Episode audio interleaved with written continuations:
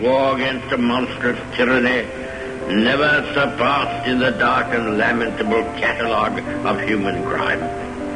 That is our policy. I regard myself as a soldier, though a soldier of peace. It's one small step for man, one giant leap for mankind. It is complete independence that we want. Du jetzt Stimme ab. Wenn ja, dann tritt für mich ein, so wie ich für dich eingetreten bin. I would say to the House, as I said to those who joined the government, I have nothing to offer but blood, toil, tears, and sweat.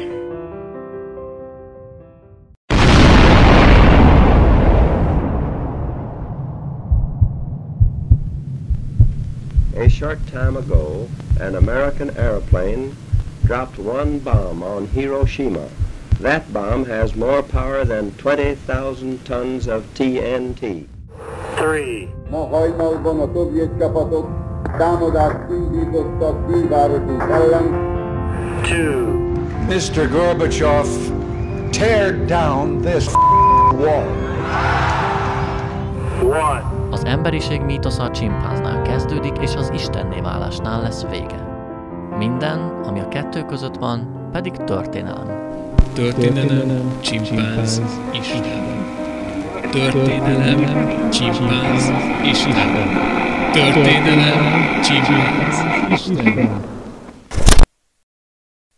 Van egy 1989-es brit tévéfilm, aminek az a címe, hogy Elefánt. Ebben a filmben amatőr színészek által látjuk eljátszva azt, hogy egy merénylő miképpen érkezik meg az áldozatához, hogy azt lelője. Aztán a kamera pár pillanatot elidőzik a tettén, majd bemutat egy újabb merénylőt újabb áldozattal. Aztán még egyet. Aztán még egyet.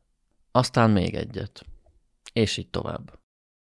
A gyilkosságok nincsenek sztoriba ágyazva, nincsenek megmagyarázva, és nem is kapcsolódnak egymáshoz. Csupán a gyilkosságok jellege ugyanaz. Mindegyik gyilkosság olyan, mint egy merénylet. Naturalistán, kontextus nélkül láthatjuk ezeket a hidegvérű gyilkosságokat az elkövető perspektívájából. A játékidő alig 40 perces, ami alatt 18 gyilkosságot láthatunk, és mindösszesen néhány rövid mondat hangzik el a filmben, de ezeknek sincsen semmi jelentősége. Ez azért egy érdekes film, mivel kiválóan szemlélteti egy merénylő perspektíváját a puszta történések síkján.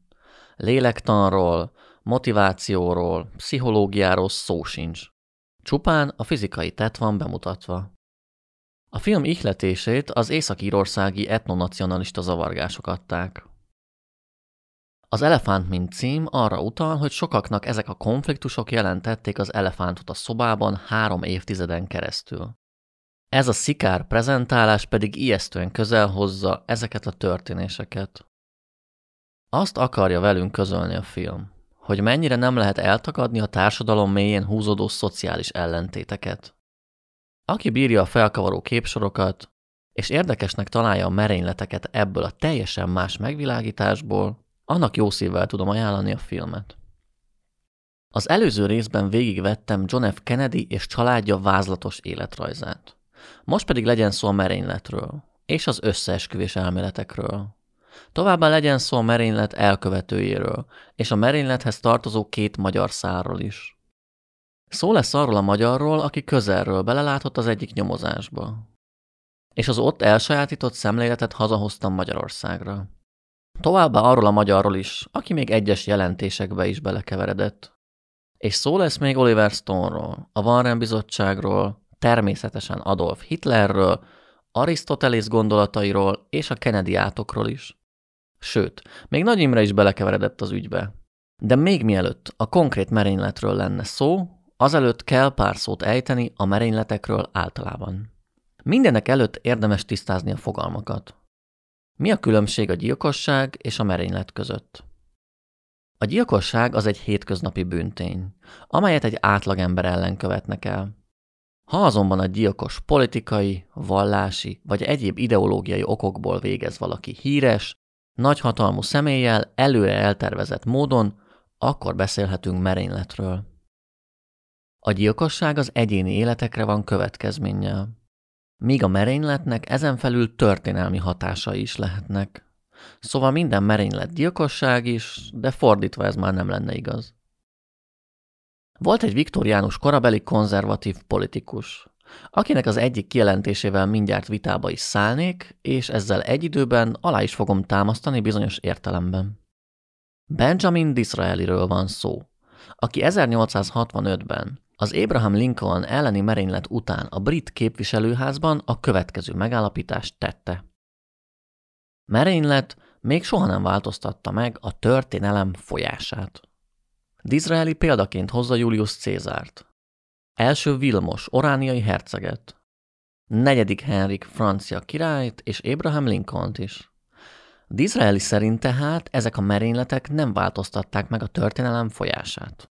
Ha a dolgok felszínét vizsgáljuk, akkor tényleg igaza volt. Az uralkodókat, királyokat, majd később elnököket, miniszterelnököket követik az örököseik, utódaik vagy az újabban megválasztott jövőbeli vezetők. Nem fordul ki a történelem saját maga tengelyéből. Fennmarad egyfajta kontinuitás ezáltal. De Disraeli tévedett abban, hogy a merényletek ne változtatnák meg a történelem folyását. Még csak sikeres merényletnek sem kell ehhez lennie. Elhibázott merényletek is más irányba terelték a jövőt. Ilyen volt a puskapor összeesküvés, amiről nem sokára lesz is szó. Julius Cézár merénylői az egyeduralom ellen követték el tettüket. Ezzel pedig olyan történelmi folyamatot indítottak el, aminek hatására évtizedekig dúlt a polgárháború. A demokrácia fel lett számolva, és kialakult a császárság intézménye. Ha Cézár életben marad, akkor talán nem történt volna ez meg? Ezt biztosan nem tudhatjuk, de erős a gyanú, hogy nem pont ilyen formában. Cézár korai halála nélkül nehéz elképzelni, hogy az azóta 6-700 éven működő köztársaság felbomlik. És elkezdődik a császárok kora, ami egészen a bizánci birodalom 1453-as megszűnéséig létezett. Pedig Cézár merénylői pontosan ettől féltek. Hogyha nem ölik meg Cézárt, akkor vége lesz a demokráciának, és önkényuralom lesz belőle. Megölték Cézárt, és valami hasonló történt mégis. Most akkor Disraelinek lett igaza? Megváltozott Cézár halálával a történelem? Vagy ugyanaz történt meg Cézár halálával, mint ami a halála nélkül is történt volna, csupán másképpen. Merényletek tekintetében a bizánci birodalom az abszolút rekordtartó. Időszámítás után 395 és 1453 között Konstantinápolyban 107 császár uralkodott. Ezek közül 34 halt meg természetes úton. Nyolcan lettek háború vagy balesetek áldozatai. A maradék 65 császár pedig merénylet áldozata lett. Ezek közül nagyon sok esetben nem közönséges merényletről van szó. Akkoriban nem csupán politikai rivalizációról volt szó. A történelem során elkövetett merényletek során mindig felmerülhet a kérdés, hogy kinek állt érdekében megölni az illetőt. Ha a mérleg egyik serpenyőjében egy nagy hatású történelmi alak van, akkor elvárható, hogy a másik serpenyőben valami nagyszabású erő ezt ellensúlyozza. Ha jelentéktelen, semmire kellő, nyomorult figura végez egy világvezetővel, akkor az sérti az ember szép érzékét. Ezért a benne támadt űrt könnyen kitölti elméletekkel. A világtörténelem során, ha megnézzük az ókori és középkori uralkodókat, láthatjuk, hogy többnyire rokonok, trónkövetelők vagy saját őrei végeztek az uralkodókkal. Igaz volt ez a bizánci birodalom 65 meghalt uralkodójára is. Az olyan összeesküvés, mint amit Cézár ellen követtek el, az nagyon ritka a történelem során. Az pedig, hogy háborúban közkatona végezzen egy királlyal, vagy egy mai napig ismeretlen íjász, mint aki oroszlán szívű Rihárdot megölte, az egészen kivételes eset. Azt lehet mondani, hogy a történelem során kétféle merénylet létezik. Azok a merényletek, amiket magányos gyilkosok hajtanak végre, és azok a merényletek, amiket összeesküvéssel visznek véghez. Ez az alapvető dilemma a Kennedy gyilkosság kapcsán is. A hivatalos álláspont az előzőt mondja, a nem hivatalos pedig az utóbbin elmélkedik. Az tény, hogy a történelem során történtek merényletek, amelyek összeesküvés alapján lettek kivitelezve. Julius Cézár meggyilkolására összeesküdtek a demokrácia hívei, és ezzel akaratukkal ellentétesen elhozták a köztársaság végét. Nézzük meg az Abraham Lincoln elleni összeesküvést. John Wilkes Booth fél évvel az elnök elleni merénylet előtt testvéreivel, Edwinnel és Junius Brutusszal belépett egy színházi társulatba, hogy előadják a Julius Caesar nevű darabot. Junius Brutus, Julius Caesar darab, hát ez elképesztő. Ezeket a neveket nem én találtam ki. Mindenki utána nézhet. Magam sem tudom, hogy mit gondoljak ezekről a névbeli véletlenekről. Minden esetre az összeesküvők terve az volt, hogy Washingtonban elrabolják az elnököt, és megbilincselve átadják őt a konföderáció lázadóinak. Azonban miután Boots hallotta egyik nyilvános beszédében Lincolntól azt az ígéretet hangoztatni, hogy felszabadítja az afroamerikai háborús veteránokat, és írás tudó feketéket tervét megváltoztatta. Ember rablásról gyilkosságra. Három nappal később, lelövi Lincoln elnököt a Ford színház páholyában, de ügyében ezzel nem sokat ért el. Lincoln temetése az egyik legnagyobb Egyesült Államokbeli esemény volt valaha. Akit alelnöke követte a posztján Andrew Johnson. Andrew Johnson, aki maga is rabszolgatartó volt korábban, azt mondta. Ez egy állam a fehér embereknek, és Istenemre, amíg én leszek az elnök, addig ez a fehér emberek kormányzata lesz. Az 1866-os polgárjogi törvényt, amely biztosítja mindenki állampolgársági egyenlőségét, Johnson kétszer is elnöki vétóval ellenezte. De második alkalommal a kongresszusi kétharmados többség felülírta az elnöki vétójogot. Így az elnök aláírása nélkül is hatályba lépett. Disraelinek akkor itt igaza volt? A merénylet megváltoztatta a történelmet? Lincoln egyre több jogot akart adni az elnyomottaknak. Halála után Johnson pedig sokat tett a szegregáció fenntartásáért. Mégis abba az irányba haladt a történelem, amerre Lincoln is ment volna. Csak halála után másképpen. Azt el lehet mondani, hogy ezek a konkrét történelmi folyamatok így is úgy is megtörténtek volna. De vannak események, amik évtizedekre, vagy adott esetben évszázadokra hátráltatni tudják a változást. Erre jó példa a puskapor összeesküvés, amely hiába volt sikertelen, ennek ellenére nagy hatású történelmi eseménynek bizonyult.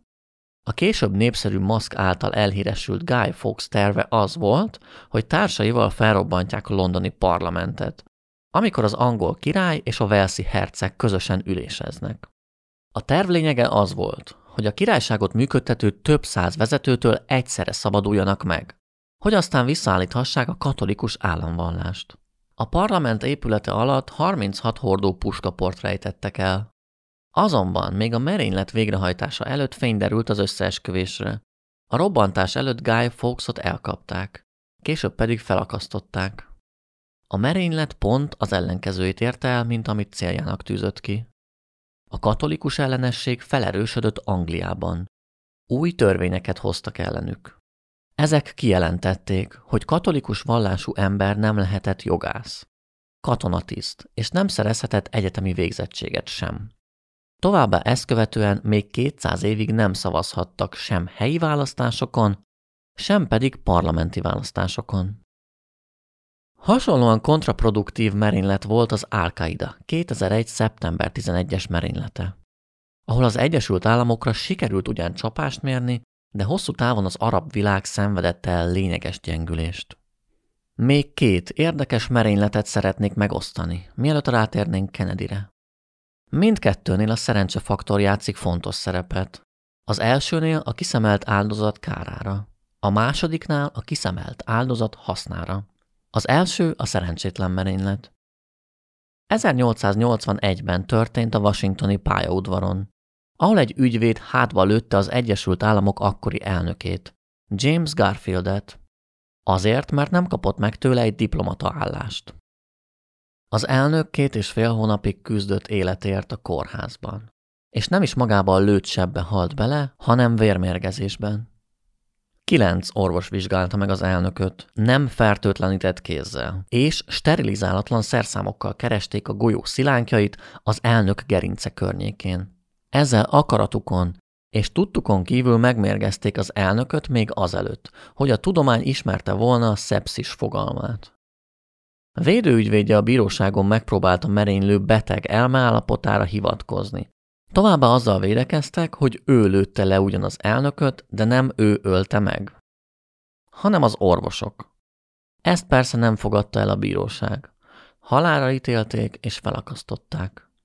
A második a szerencsés merénylet, a célpont szempontjából legalábbis. Adolf Hitler ellen számos merényletet kíséreltek meg véghez vinni, főleg a 40-es években. Azonban egyik sem járt sikerrel.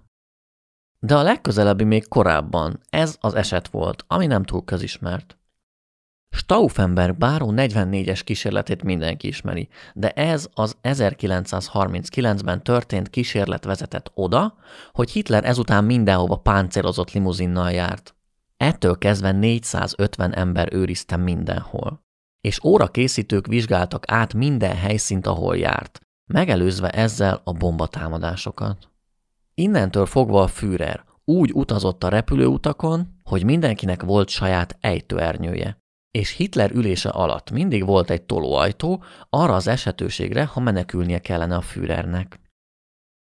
Ezt az óvatosságát pedig Georg Elzernek köszönhette, aki egy német asztalos és később órásmester volt. Elzer nem volt semmilyen párt tagja, és nem is ideológiai megfontolásból követte el tettét. Csupán azt érezte, hogy nem tenne jót Németországnak egy újabb háború. Georg Elzer kifigyelt egy rést a pajzson, ahol nem volt jelen a gestapo és a rendőrség sem. Az 1923-as Müncheni sörpucsot követően minden november 8-án Hitler tartott egy zárt körű összejövetelt a régi harcos társakkal, ami 1939-ben sem történt másképpen. Mivel a bombát hat napra előre lehetett időzíteni, így Elzer november 5-én hajnalban felszereli a találkozó helyszínén jól kiszámított detonálási idővel. És mire november 8-án, este 8 órakor Hitler megérkezik a helyszínre, Elzer már Konstanzból várja fejleményeket.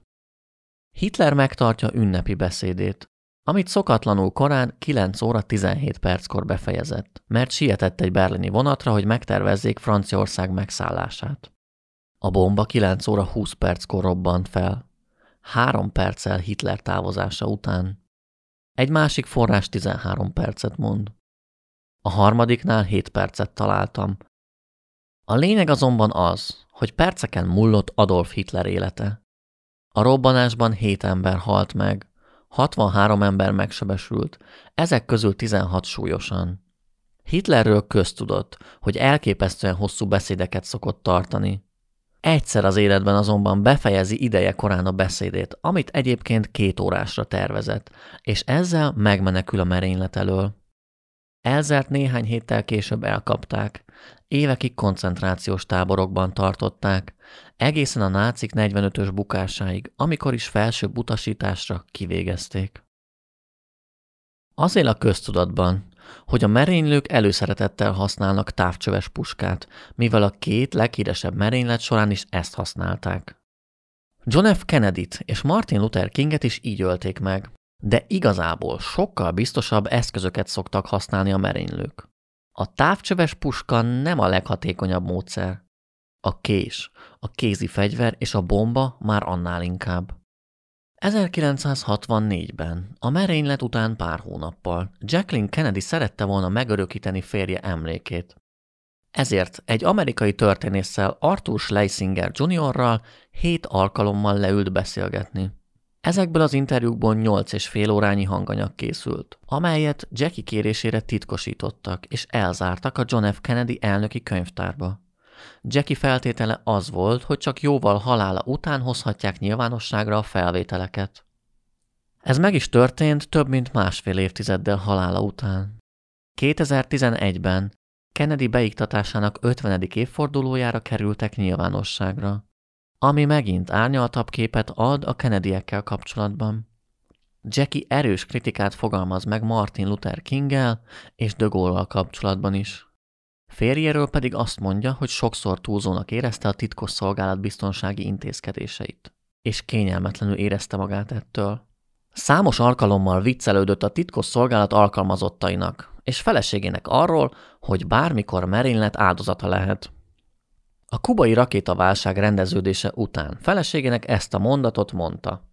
Nos, ha bárki leszeretne lőni, akkor ez lenne a tökéletes nap, hogy megtegye. A hangfelvételek teljes hosszukban meghallgathatóak ma már. Még könyvformában is lejegyzésre kerültek. Akit az idealizált képen felül érdekel a komplexebb valóság, annak érdemes lehet meghallgatnia. John F. Kennedy életének története az maga az Egyesült Államok élete, szimbolikus értelemben véve. Kennedy 1917-ben született, pontosan akkor, amikor az USA belép az első világháborúba. Ezzel a lépéssel születik meg az USA nagyhatalmi ambíciója. A második világháború előtti szemlélete Kennedynek jól tükrözi az USA intervencionista törekvéseit is. A második világháborúban Kennedy hőssé válik, ugyanúgy, mint az USA. Ez a második világháború szerepvállalás, ami az Egyesült Államokat kolosszális szereplővé emeli a politikában. Ezzel párhuzamosan Kennedy ekkor lép fel az amerikai politikai élet színpadára. A hidegháborúban már korán harciasságot mutatnak. 1963-ban a csúcson vannak, és egyesek szerint a merénylet következtében indul hanyatlásnak az egész ország is. De vajon mi indokolja az amerikaiaknak ezt a fajta látásmódját? Én még látni vélem Amerika szerepének emelkedő tendenciáját jó pár elnöki cikluson keresztül, de megértem azt is, ha valaki innentől egy lassú hanyatlást lát. Az örök kérdés a következő. Ki ölte meg John Fitzgerald Kennedy-t? Ez a világtörténelem legjobban dokumentált és legalaposabban kivizsgált esete. Ennek ellenére ez a világtörténelem leginkább vitatott és leginkább megkérdőjelezett eseménye. A Warren Bizottság jelentése 26 köteten keresztül részletezi a történteket, aminek már 98%-át nyilvánosságra hozták az évek során. De hiába ez a legjobban dokumentált esemény valaha. Hiába a tengernyi nyilvánosságra hozott dokumentum. Az emberek mégsem hiszik el, hogy Lee Harvey Oswald egyedül követte el a merényletet. Mégis miért lehet ez? Vincent Bugliosi, amerikai ügyész megbecsülte, hogy hány könyv foglalkozhat a Kennedy merénylettel. Kutatása szerint körülbelül ezer könyvet írtak az ügyről, és ennek legalább 90%-a valamilyen összeesküvés elméletet támogat. Ez alapján teljesen jogosan mondhatjuk, hogy a Kennedy gyilkosság az összeesküvés elméletek anyja, alfája és omegája. De miért történt ez így? Hogyan lett ez az eset az összeesküvés elméletek őse? A Kennedy merénylettel kapcsolatos összeesküvés elméleteket jó részt Oliver Stone filmjének köszönhetjük. Előtte is léteztek elméletek, de a JFK a Nyitott Dosszié című film nyitotta ki nem csak a dossziét, hanem az összeesküvés elméletek széles kapuját is. Ennek a filmnek pedig két könyv az alapja. Az egyik Jim Garrison könyve. Ez a könyv 1988-ban jelent meg, 25 évvel a gyilkosság után. Jim Garrison személyét Kevin Costner játsza el a filmben. Garrison a második világháború alatt az USA légierejénél szolgált. Hazatérve onnan pedig New Orleansben jogi diplomát szerzett. Majd az FBI alkalmazásában dolgozott két évet. Ezután a koreai háború idején újra csatlakozni akart a légierőhöz. De ideggyengeség és PTSD miatt nem szolgálhatott a seregben. A sereg doktora azt állapította meg, hogy súlyos és bénító pszichoneurózisban szenved, ami jelentős mértékben gátolja szociális és szakmai területen. Azt állapították meg, hogy teljesen alkalmatlan a katonai szolgálatra, és mérsékelten alkalmatlan a civil élethez való alkalmazkodásra. Garrison három évvel a merénylet után kezd el nyomozni, amelynek során hamis tanút von be a nyomozásba. Tanút veszteget meg, egy másikat megfélemlít, igazságszérummal akar vallomást kikényszeríteni. Ártatlanokat vádol, és egy sikertelen pert folytat le. Jim Garrison kezdetben azt állította, hogy Kennedy egy homoszexuális összeesküvés áldozata lett, amit Jack Ruby, David Ferry és Lee Harvey Oswald terveltek ki, mivel ebből ketten homoszexuálisak voltak, Oswald pedig Garrison állítása szerint biszexuális. Erre életéből semmilyen jel nem utal. Garrison még Kennedy öccsét Robertet, az egykori legfőbb ügyészt is meggyanúsította azzal, hogy nem is akarja, hogy a valóság kiderüljön az elnök haláláról. Ezzel a rövid összefoglalással nem akarom Garrison személyét elhitelteleníteni, de fontosnak éreztem ezeket megemlíteni. Ha valakit részletesen érdekel akár Jim Garrison személye, akár az egész JFK merénylet, akkor Háner Péter történész ezeket tökéletesen összefoglalja a Nem létező rejtély című munkájában. Akit pedig minden apróság érdekel, az Vincent Bagliosi Reclaiming History című kötetében minden erre vonatkozó információt megtalál. Megtalálhatja azt is, ahogyan Bagliosi 70 oldalon keresztül taglalja a JFK film tárgyi tévedéseit. Számomra az összeesküvés elméleteket az ügyel kapcsolatban legjobban Oliver Stone, az amerikai filmrendező testesíti meg, mivel ő az összeesküvések többségét beleszőtte filmjébe, és emellett elutasítja még az összeesküvés elmélet kifejezést is. Interjúkban úgy nevezi ezt, hogy az igazság feltárása. De mit is nevez Oliver Stone az igazság feltárásának? A JFK nyitott dosszié című filmnek magával ragadó és lehengerlő lendülete van, annak ellenére, hogy Oliver Stone három és fél órán keresztül bombáz minket folyamatosan információkkal. Ez a film egy játékfilm. Egy játékfilm, amiben dokumentarista elemek vannak beleszőve. Egy játékfilm dokumentarista elemekkel, ami tényként adja elő magát. Amivel önmagában még nem is lenne gond. Oliver Stone egy autonóm alkotóművész, és olyan filmet forgat, amilyet csak akar. Csak az a baj, hogy Stone nem döntött el, hogy játékfilmet vagy dokumentumfilmet csinál. A filmben elhangzó állítások a legtöbbször nem kézzel fogható tények, hanem elméletek, kiragadott adatok, féligasságok. Szelektíven kezeli a tényeket, szóval csak azokat használja, amik alátámasztják az érvelését, és sokszor utólagosan racionalizál fiktív jeleneteket forgat bele a történelmi eseményekbe, és kitalált szereplőket épít bele a filmbe. Elhallgat és elferdít információkat. Aki ennek alapján akarja megismerni a valóságot, az nagyon fals képet kaphat az esetről. Nagyon sokat olvastam az esetről, igyekeztem tárgyilagosan állni az ügyhöz, de én is hajlamos voltam beleélni magam a filmbe. Annak ellenére, hogy már a főcím alatt találtam három-négy történelmi csúsztatást, utána pedig az első jelenet a prostituáltal egy konkrét hazugság. A legjobb jelenet a filmben Donald Sutherlandhez köthető, aki Mr. X-et játsza, és a film közepén lenyom egy 15 perces monológot arról, hogy hogyan kivitelezte az amerikai állam az összeesküvést. Oliver Stone baromira ért a történelem dramatizálásához. Sokszor már túlságosan is. Természetesen Mr. X egy teljesen fiktív karakter. Jim Garrison találta ki. A film alapvetése az, hogy Kennedy be akarta fejezni a vietnámi háborút, de ezt az intézményesült fegyverlobbi nem engedte, ezért egy széles körű összeesküvés keretében eltették lábalól. Ezeket sem történészek, sem a nyomozati anyagok nem támasztják alá. Ennek ellenére ez a film nagyon fontos film. Fontos film azért, mert egyetlen módja mégis van annak, hogy hogyan lehet ezt a filmet értelmezni. Ez pedig elképesztően fontos. Úgy kell nézni ezt a filmet, hogy ez a film megtestesíti az amerikai társadalom ideáit Kennedyről, és a kételjeit a halálával kapcsolatban. Ebből a szempontból pedig valami nagyon fontosat fogalmazott meg Oliver Stone. Megtestesítette a politikus nép által idealizált képét, aki a jó erkölcsöt képviseli, és így mindannyiunk jó lelkiismerete lehet. Fontos, hogy az emberek higgyenek valamiben. Kennedy pedig a mai napig jó felület lehet ehhez. Ezzel párhuzamosan pedig az emberekben bizalmatlanság gerjedt az állam iránt, ami alapvetően szintén egy pozitív jelenségnek mondható, főleg ha van alapja. Márpedig tudjuk, hogy van alapja. Az viszont kontraproduktív lehet. Ha a tények elferdítésével éri el valaki ezt az előre kívánt hatást. Oliver Stone-tól pedig ez nem egy idegen jelenség. A korai filmjei didaktikusak, a beleszőtt tanító intelmei miatt, későbbi filmjei pedig már propagandisztikusnak mondhatóak.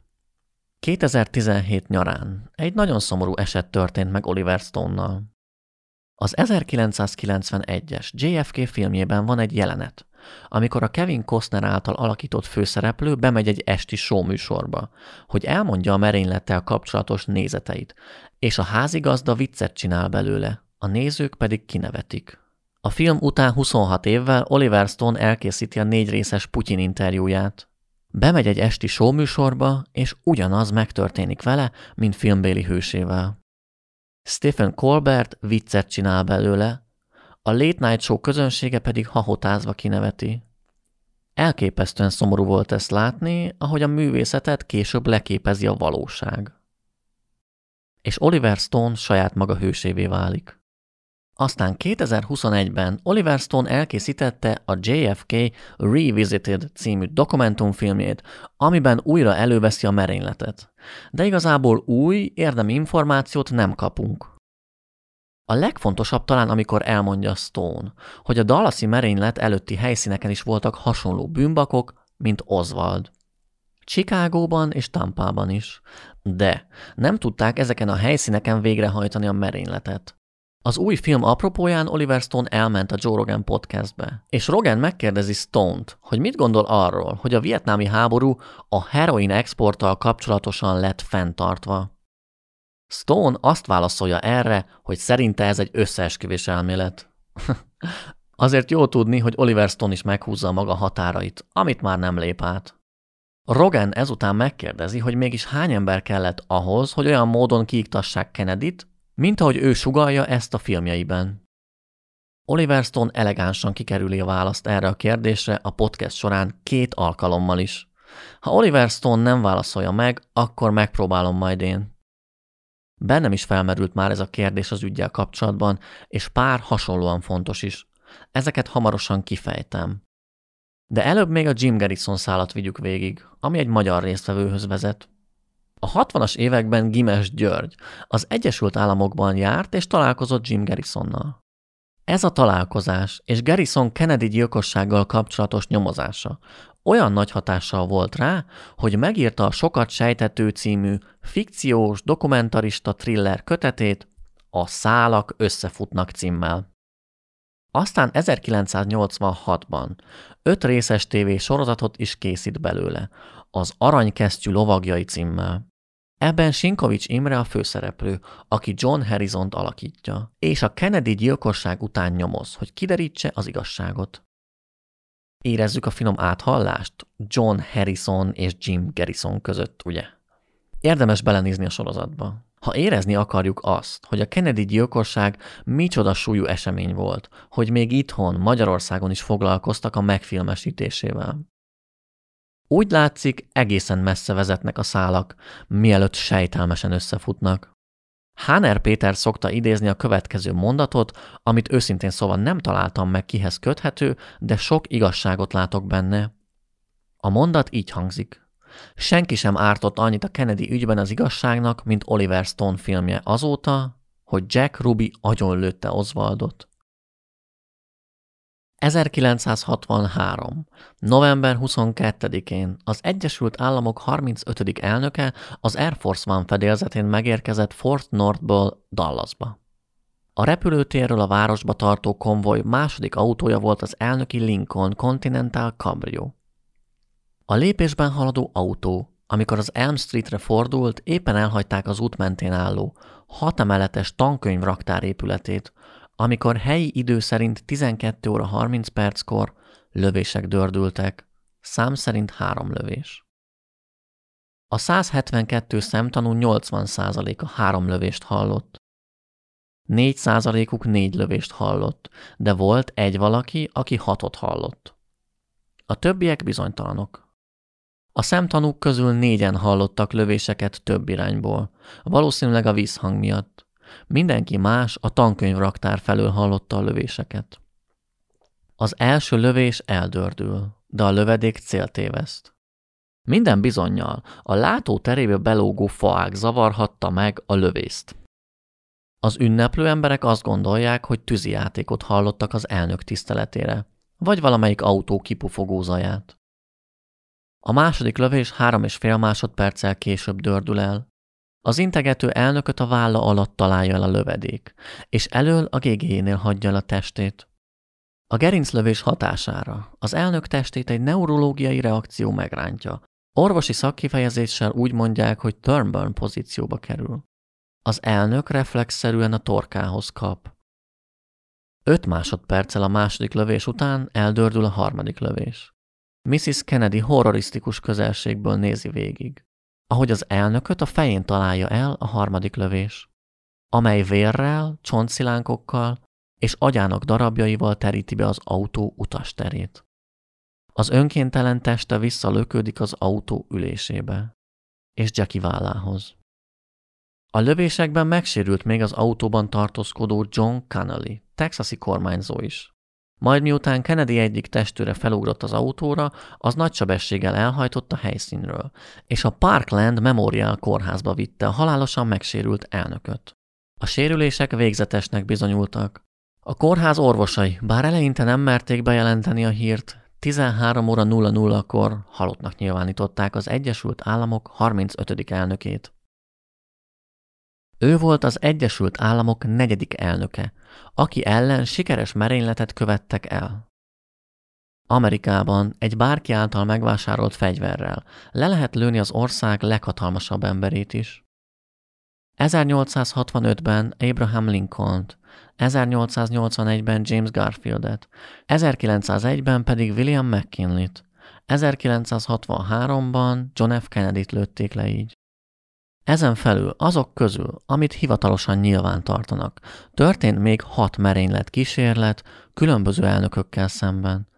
1835-ben Andrew Jackson ellen, 1933-ban Franklin Delano Roosevelt ellen, 1950-ben Henry S. Truman ellen, 1975-ben kétszer, 1981-ben pedig egyszer Ronald Reagan ellen. Lincoln megölése és Truman ellen a merénylet egy szűk körű, néhány ember összeesküvésének eredménye. Az összes többinél pedig magányos merénylőről beszélhetünk. A hivatalosan ismert merényleti kísérleteken felül igazából több száz próbálkozásról beszélhetünk. Talán azt is lehet mondani kicsit cinikusan, hogy ez az egyik legősibb tradíció az Egyesült Államok történetében. Egyébként Kennedy halála után pár órával a frissen beiktatott Johnson elnök is veszélybe került a Fehérházban. Éjszaka Lyndon Johnson annyira zaklatott volt, hogy nem tudott aludni.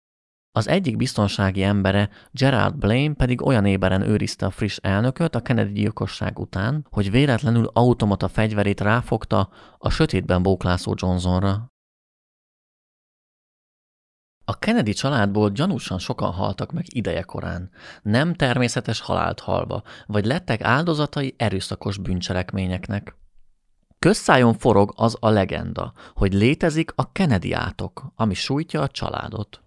Merészebb feltételezések szerint pedig ez több, mint véletlen egybeesések sorozata.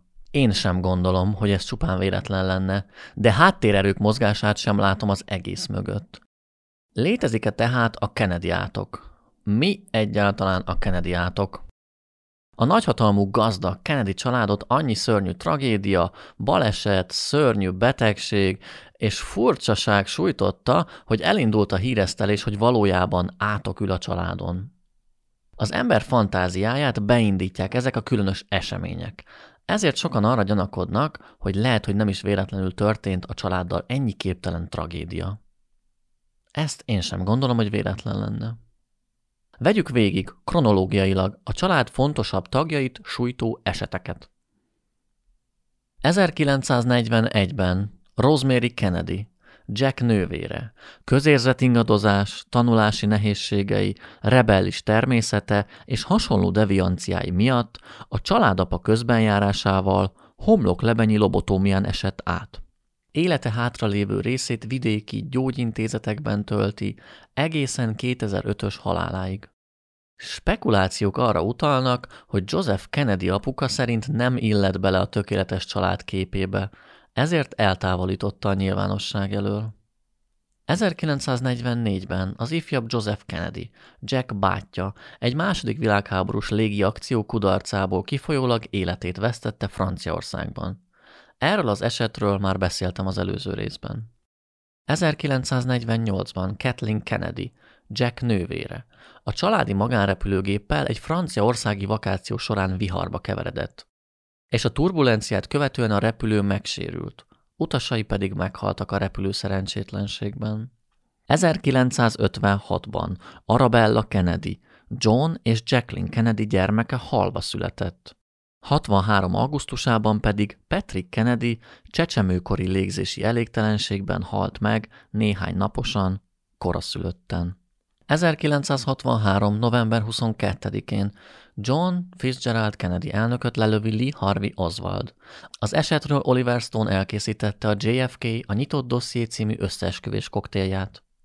1968-ban Robert Kennedy, Jack öccse szintén merénylet áldozata lett. A demokrata elnöki választási győzelmének estéjén egy Los Angeles-i hotelben sírhán-sírhán közvetlen közelről egy kézi fegyverrel lelövi. Ha nem történt volna meg ez a merénylet, akkor Bobby Kennedy kihívhatta volna Nixont a következő választáson. Lett volna egy újabb Nixon-Kennedy párharc, amit nem valószínű, hogy akkora fölénnyel nyert volna Nixon, mint amilyen fölénnyel nyert egyébként Bobby halálát követően. Pár évvel később elkészült a Jelölt című film, amelyben Robert Redford karaktere jól érzékelhetően Bobby Kennedyről lett mintázva. 1969-ben Ted Kennedy, Jack öccse, egy buliból hazavezetve lehajtott egy hídról, majd a vízbe zuhant kocsiból sikeresen megmenekült. De az anyósülésen ragadt nő meghalt az elmerült autóban. A szakértők később megállapították, hogy annyi levegő bent ragadt a kocsiban, hogy körülbelül 15 percig még életben lehetett a nő. Ted Kennedy a hatóságoknak azt állította, hogy többször megpróbálta kimenteni a nőt, viszont az esetet csak tíz órával később, másnap reggel jelentette a rendőrségen. Két hónap felfüggesztettet kapott. Az ügy igazából kivizsgálatlan maradt. Ez a gyanús incidens ellehetetlenítette Ted elnöki ambícióit. Brian De Palmát pedig megihlette, hogy elkészítse a Halál a hídon című filmjét. Ted korábban még egy repülő lezuhanását is túlélte. A pilóta és a harmadik utas azonban meghaltak. Bátyai elleni merényletek után biztonsági emberei rettegtek attól, hogy ő is merénylet áldozata lesz. Ted azonban nem aggódott ennyire saját magáért. 1984-ben David Kennedy, Robert Kennedy egyik fia, kokain túladagolásban meghalt egy floridai hotelszobában. 1997-ben Michael Kennedy, Robert Kennedy másik fia, egy kolorádói sielés közben fának ütközve halt meg. 1999-ben John F. Kennedy Jr., az elnök fia, repülő balesetben meghalt, amikor az általa vezetett kis repülő egy Massachusetts-i szőlősbe zuhant. A balesetet a pilóta hibájának tulajdonították, amiben felesége és sógornője is meghalt. 2011-ben Kara Kennedy, Jack unokahuga, tüdőrákból való felépülése után szívrohamban halt meg Washington DC-ben. 2019-ben Saoirse Kennedy, Robert Kennedy unokája, metadon és etanol túladogolásban meghalt a Massachusetts-i Kennedy birtokon. A Kennedyek családja számos főt számlál. Joseph Kennedyéknek kilenc gyerekük született. Az elnök fiatalon meghalt, de így is négy gyereke született. Öccsének Bobinak pedig tizenegy gyereke lett. Azonban az, hogy sokan vannak még nem magyarázza ezeket a családi szörnyűségeket. Az előző részben végigvettem a család történetét. Úgy gondolom, itt kell keresni a magyarázatot. Bátor, szívós dédszülők, ambiciózus, talpra esett nagyszülők, Törtető, ravasz apa. Persze, hogy vakmerőek, és minden veszélyel dacolók lettek a gyerekek. Még ez sem magyarázza a két merényletet, vagy csak nagyon sok áttétellel, de a család tagjaiba nevelt irracionális veszélyek felvállalása és a vakmerőség már sokkal inkább. Ha létezik Kennedy átok, akkor úgy gondolom létezik Kennedy áldás is. A család sikereihez és tragédiáihoz úgy gondolom, hogy ugyanaz a mentalitás vezetett el. John F. Kennedy testőrei és biztonsági emberei mindig panaszkodtak az elnökre, hogy túlságosan elvegyül az őt ünneplő tömegben. Mindenkivel közvetlenül viselkedik, és bárkivel kezet fog, aki a közelébe jön. Fort Northban az elnök kijelenti, hogy közel akar lenni az őt ünneplő emberekhez, amennyire csak lehetséges ez. Dallasban előzetes megbeszélés nélkül megállítja az autót. Kiszállt, és odalépett az őt ünneplőkhöz. Kennedy mindig férfias, macsó és bátor volt. Megmondta, hogy nem akar titkos ügynököket a limuzinja mögött jönni. De miért mondta ezt? Miért negligált több biztonsági intézkedést is? Lehet, hogy ő is benne volt? Lehet, hogy ő maga rendelte meg a saját kivégzését, hogy ikon válhassék belőle az amerikai nép számára? Nyilván viccelek. Csupán azt akarom ezzel érzékeltetni, hogy hogyan működik ez a fajta gondolkodás, és hogyan lehet kiforgatni bármilyen tényt, hogy az előre kitalált koncepciónkat szolgálja. Ez a motivált gondolkodás, amiről majd beszélek még részletesebben. A merénylet napján Oswald otthon hagyta a jegygyűrűjét. Feleségének otthon hagyta összes pénzét. És egy hosszúkás, barna csomaggal indult munkába. Egyik ismerőse szállította munkába, akinek azt mondta, hogy függönyrudak vannak a csomagban. Azonban sem az otthonában, sem a munkahelyén nem találtak függönyrudakat, amit lecseréltek volna. Több kollégája bizonyosságot tett arról, hogy látták Lee Harvey Oswaldot körülbelül fél órával a lövések előtt a tankönyvraktár első emeletén, amikor elfogyasztotta az ebédjét. Oswald egy másik kollégája látta őt a tankönyvraktár hatodik emeletén nem sokkal az ebéd után. Másik szemtanú, aki a tankönyvraktárral szemben volt az utcán, azt állította, hogy látta a merénylő alakját a tankönyvraktár hatodik emeletén a lövések idején, és személyleírást adott a rendőröknek. A személyleírás vezetett el a második Dallasi gyilkossághoz.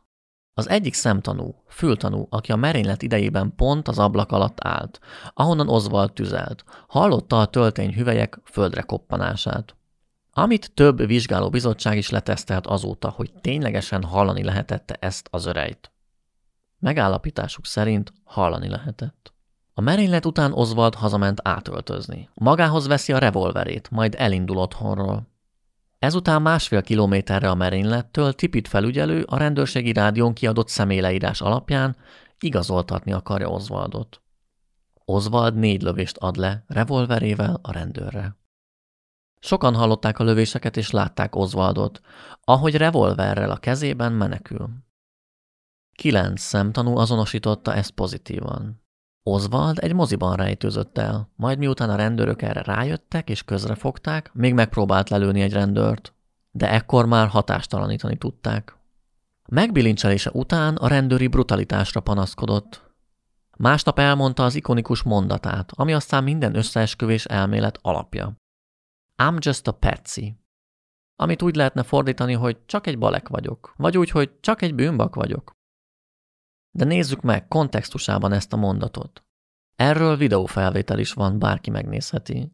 Elfogása másnapján, ahogy a rendőrök kihallgatásra vezetik Oswaldot. TV riporterek megrohamozzák, és a következő kérdés szegezik neki. Ott volt a tankönyvraktárban a merénylet idején? Mire ő azt válaszolja, hogy abban az épületben dolgozok. Természetesen. Ha abban az épületben dolgozok, igen, uram. Következő riporteri kérdés. Maga lőtte le az elnököt? Oswald válasza erre. Nem. Azért hoztak be, mert a Szovjetunióban éltem. Csak egy bűnbak vagyok. Én arra következtetek ebből, hogy Oswald azzal védekezik, hogy a hatóságok szemében ő egy kézenfekvő gyanúsított. Nem arra, hogy összeesküdtek ellene. De úgyis mindenki azt hisz, amit akar. Kiemelt tanúk, hatósági vizsgálatok, és a Warren bizottság által is döntő bizonyítékok kötötték Oswaldot a gyilkossághoz. Új lenyomatok, kézírás, fotók, tanúvallomások, neuronaktivációs analízis, lőfegyveranalízis, és így tovább. minden nyomozás arra a következtetésre jutott, hogy Oswald az egyedül tevékenykedő merénylő. Mégsem hiszik el az emberek. De kik nyomoztak az ügyben? Vegyük végig. A merénylet után közvetlenül a Dallasi rendőrség, az FBI és a titkosszolgálat. Ezek alapján hozta meg a rendkívüli döntését a bíróság. Majd egy héttel később Lyndon Johnson létrehozta a Warren bizottságot, hogy ők is részletesen járjanak utána az ügy minden részletének. Egy éves nyomozások után egyértelmű végeredmény született, majd 1976-ban Gerard Ford elnöksége alatt létrehoztak egy bizottságot, ami speciálisan merényletek kivizsgálására szakosodott. Ez a HSC a nevű szervezet, ami az eset kivizsgálása után újra egyöntetű végeredményt adott. Aztán a JFK film hatására 1992-ben újabb adatokat hoztak nyilvánosságra. Ekkorra már a Warren jelentés 98%-a nyilvánosságra került. Létrehoztak egy új, független ügynökséget, az Assassination Records Review Boardot, ami pont azért jött létre, hogy minél több információt hozzon nyilvánosságra, hogy bárki vizsgálódhasson az ügyben. Ebben nyilvánosságra hoztak olyan dokumentumokat, mint a Kennedy fejlővését vizsgáló orvosok jelentése, akik korábban titkos tanúvallomást tettek a Warren bizottság előtt, de ezek is kikerültek. Továbbá az FBI és a CIA ezekkel párhuzamos nyomozati anyagai is publikussá váltak, amiben kiderült, hogyan próbáltak dokumentumokat eltusolni ezek a titkosszolgálatok a CIA és az FBI Szovjetunióban tett látogatása miatt szemmel tartotta Oswaldot. Néha aktívabban, néha teljesen elhanyagolva a megfigyelését. Érdektelennek tartották egy idő után a megfigyelését. Azonban, ahogy megtörtént a merénylet, a titkos szolgálatok megpróbálták eltitkolni a Lee Harvey Oswalddal kapcsolatos információkat. Azért, hogy ne tűnjenek figyelmetlennek és inkompetensnek a nyilvánosság előtt. Legjobb tudomásom szerint a saját hírnevüket és presztízsüket védték, nem pedig az elnök elleni akciójuk nyomait fették el. 2017-re ez a bizottság nyilvánosságra hozott minden dokumentumot, ami a merénylethez kapcsolódik. További 35 ezer dokumentumot. Ami között 3600 soha nem látott dokumentum volt. Sokszor felmerül ennek ellenére a kérdés, hogy miért nem hozzák teljes mértékben nyilvánosságra a dokumentumokat. Azért, hogy a résztvevők személyes adataival kapcsolatos információkat védjék. Oké, de olyan régen történt már ez az eset, hogy valószínűleg mindenki halott, aki bármilyen módon részt vett az ügyben. Nem, ez tévedés. Utána néztem. A mai napig is vannak élő szereplői az ügynek. Például Lee Harvey Oswald felesége, Marina Oswald Porter, aki ma 2022-ben 80 éves. Minden szövetségi nyomozásban előírás, hogy 75 évre titkosítsák ezeket a személyes részleteket. Ezek érzékeny információk lehetnek a vallomástevőre. Így a vallomástevőt védi a törvény, hogy minél nagyobb őszintességgel beszélhessen az eseményekről. Ez a 75 év 2039-ben fog lejárni. Oswald felesége, ha szerencséje van, ekkor még mindig élhet, 98 évesen. Ilyen esetben nem tudom, hogy mi az eljárás. Meg lehet, vagy meg kell hosszabbítani emiatt, de egy biztos. A lényeges kérdésekben nem derülhet ki új információ. Semmi újat nem fogunk megtudni, ha feloldják ezeket az utolsó titkosított részeket. Az ügy kapcsán az emberek többsége elutasítja a Warren bizottság jelentését, úgy, hogy soha nem is olvasták, soha nem is néztek bele. A rövidített változatba sem, de még a kivonatot sem olvasták. A Warren Bizottság nyomozásának eredménye 26 kötetes jelentés, ami 18 ezer oldalon át taglalja az ügy minden részletét, 8 ezer oldalon át a vallomásokat, és további 10 ezer oldalon keresztül a bizonyítékokat és egyéb dokumentumokat. A Warren Bizottság körülbelül 40 tagból állt, akik közel 10,5 millió szavas végeredményre jutottak. Közöttük volt a bizottság feje, az Egyesült Államok főbírója Earl Warren, a későbbi elnök Gerard Ford, továbbá demokrata és republikánus nagy tiszteletben álló köztisztviselők. Amikor a Warren bizottság először előállt a nyomozás végeredményével, az amerikai közvélemény elfogadta ezt, és nem volt széles körben elterjedt összeesküvés elmélet. Aztán jöttek az önjelölt nyomozók, újságírók és a JFK film. Egyébként azt látom, hogy jogosan érheti a Warren bizottságot kritika afelől, hogy elfogult volt Oswald bűnösségével kapcsolatban. De elfogult volt azután, hogy minden létező nyom abba az irányba mutatott. A gyilkos fegyvert megtalálták a merénylet után a tankönyv raktár hatodik emeletén, amiről bebizonyosodott, hogy Oswaldé volt, és azonosították rajta az új lenyomatait is. Oswald 45 perccel a Kennedy gyilkosság után megölte Tipit felügyelőt, és nem sokkal ezután megpróbálta lelőni az őt letartóztató rendőrt is. Ezeket szemtanúk bizonyítják. A bizottság 552 tanúvallomást vizsgált meg. Ez a szám tízszer annyi, mint amennyit a Pearl Harbori támadás után vizsgáltak meg. Az FBI egyedül 25 ezer interjút és 2300 különálló jelentést készített. 3154 bizonyítékot mutattak be a nyomozás során. Ennyi bizonyíték támasztja alá a nyomozás hitelességét. Olyan részletes az ügy, hogy bárki, aki akarja, kiforgathatja a bizonyítékokat, vagy megtámadhatja, ahol csak akarja. Mivel nincs az a civil ember, aki elolvasta volna az összes jelentést az ügy kapcsán. De ennek ellenére én azt mondom, hogy senki ne bízzon meg a Warren bizottság jelentésében. Így, hogy nem látta. Akit érdekel az ügy, kérdés merül fel benne, vagy problémásnak talál valamilyen részletet, az olvassa el az arra vonatkozó részt. Én is ezt tettem. Nagyon zavarosnak találtam az ügyet, de minél többet olvastam róla, annál érthetőbbé vált az egész. Nyilvánosan elérhető minden dokumentum több Egyesült Államokbeli közhivatal oldaláról. Megtalálható a Nemzeti Archívumban és a Belbiztonság hivatalos honlapján is teljes terjedelemben. Ezt be is fogom linkelni a leírásban. Havelock Ellis, egy angol pszichológus, egyszer azt a megállapítást tette, hogy az ember sorsa nem a jövőbe van ágyazva, hanem a múltba. Ez megfelelően vizsgálva az alapvető tények lényege. Érdemes Oswald életét és személyiségét röviden megvizsgálni. Nézzük meg, milyen ember lehetett ő valójában. Lee Harvey Oswald 1939-ben született. Apja két hónappal ezelőtt halt meg agyvérzésben. Anyja egyedül nevelte fel.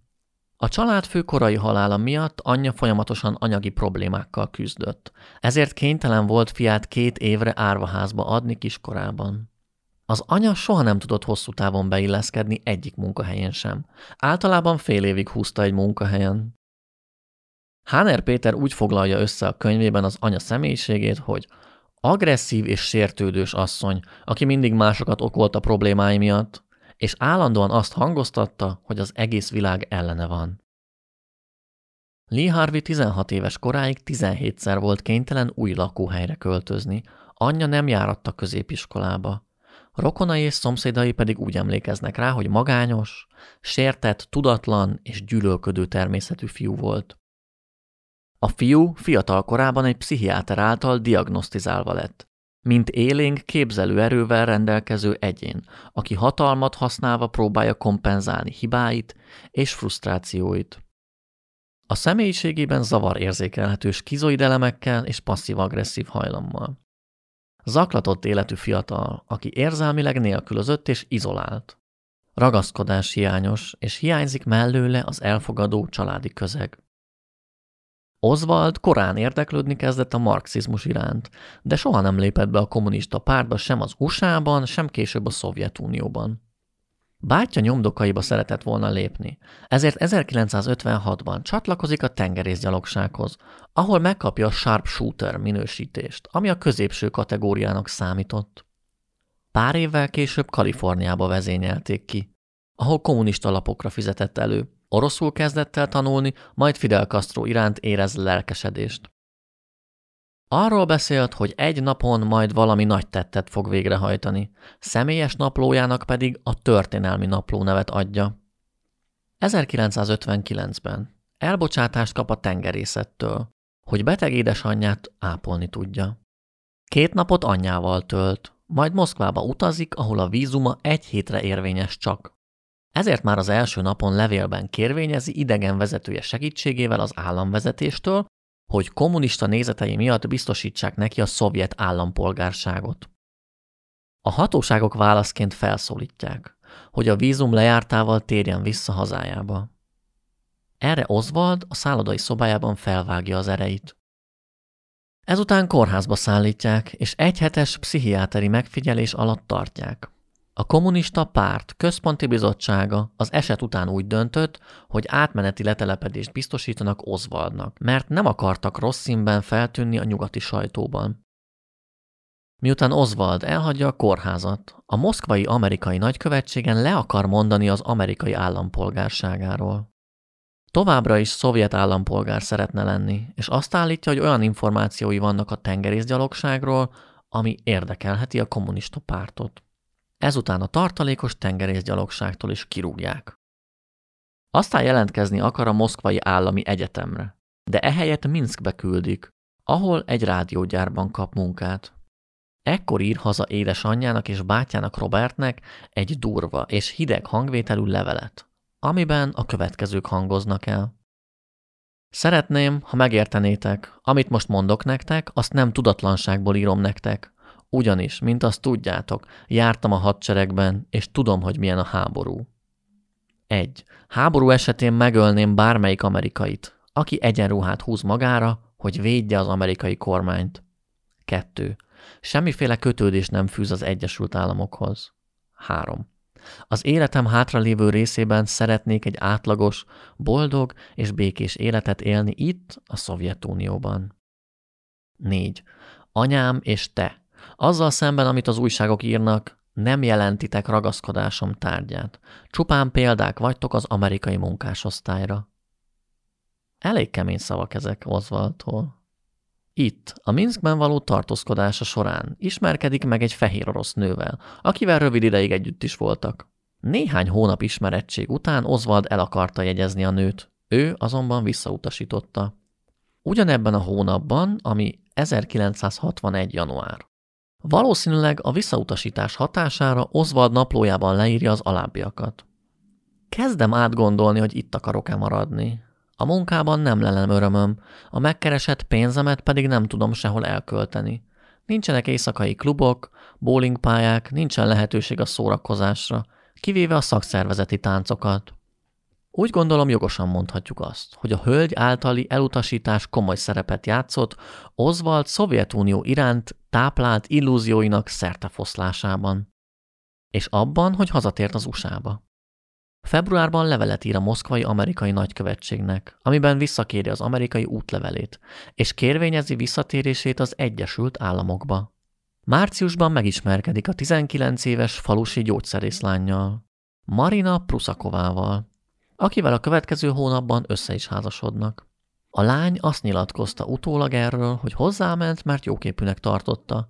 Imponált neki, hogy amerikai, saját lakása van, és nem iszik. Egy évvel később megszületik első gyermekük, June.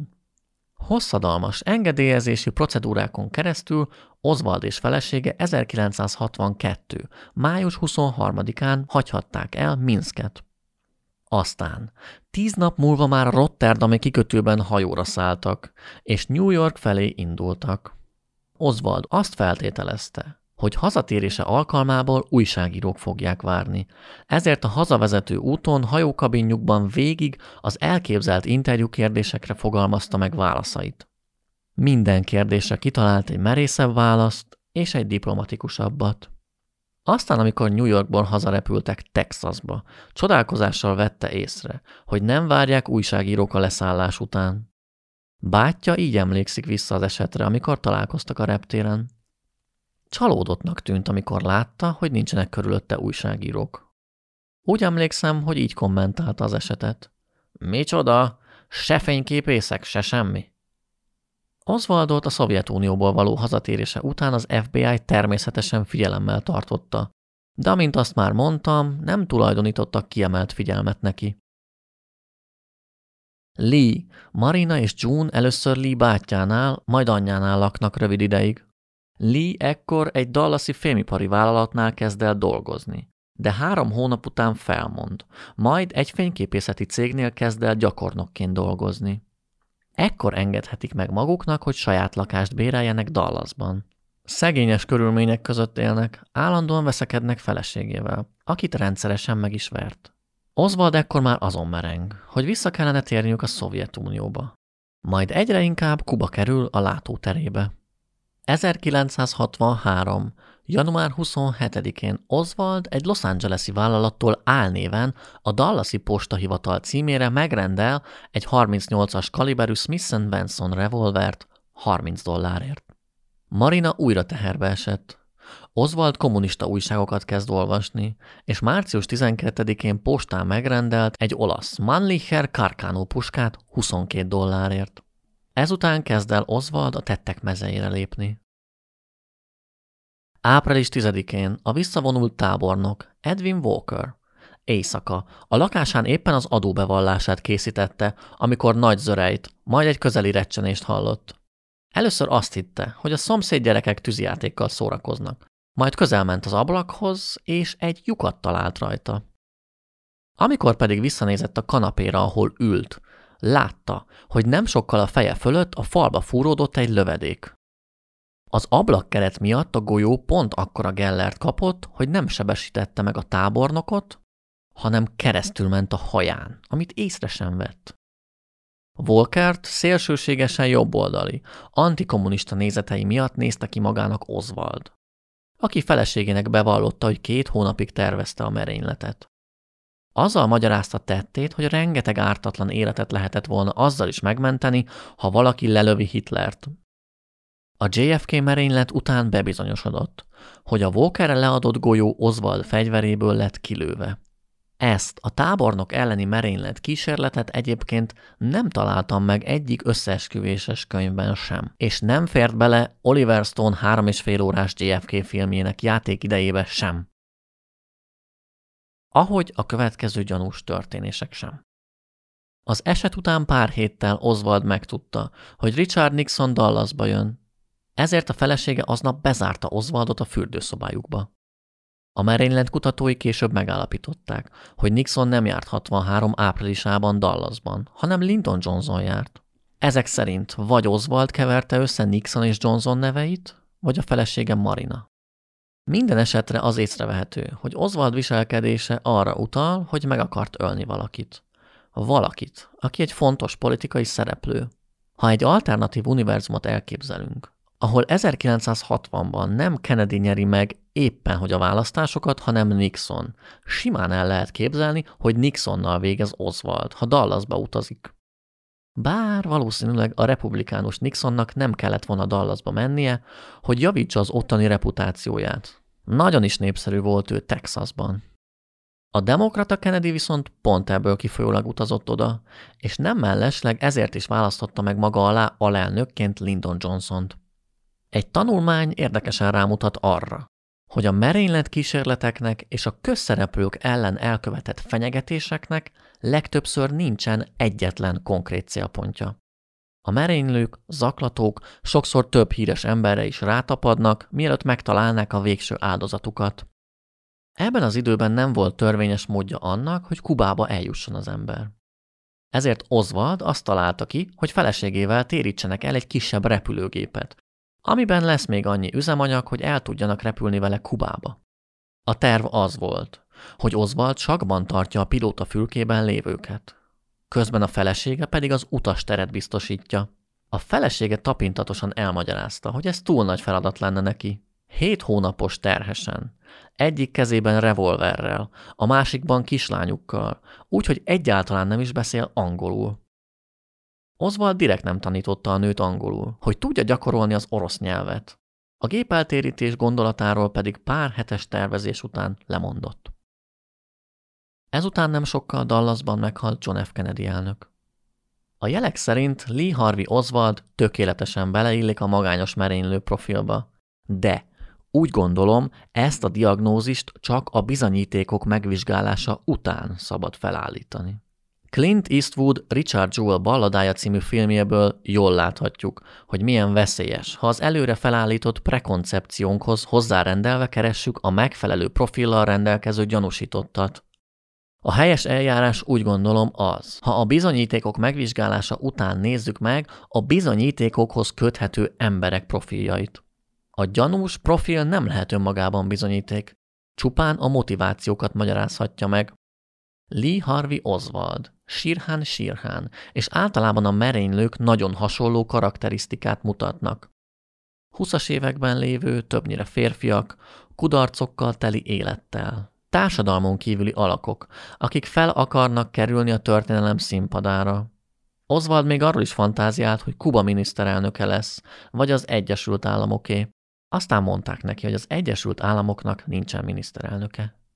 De miért nem meggyőző az az emberek számára, hogy Lee Harvey Oswald egyedül követte el a merényletet? Miért olyan vonzóak az összeesküvés elméletek?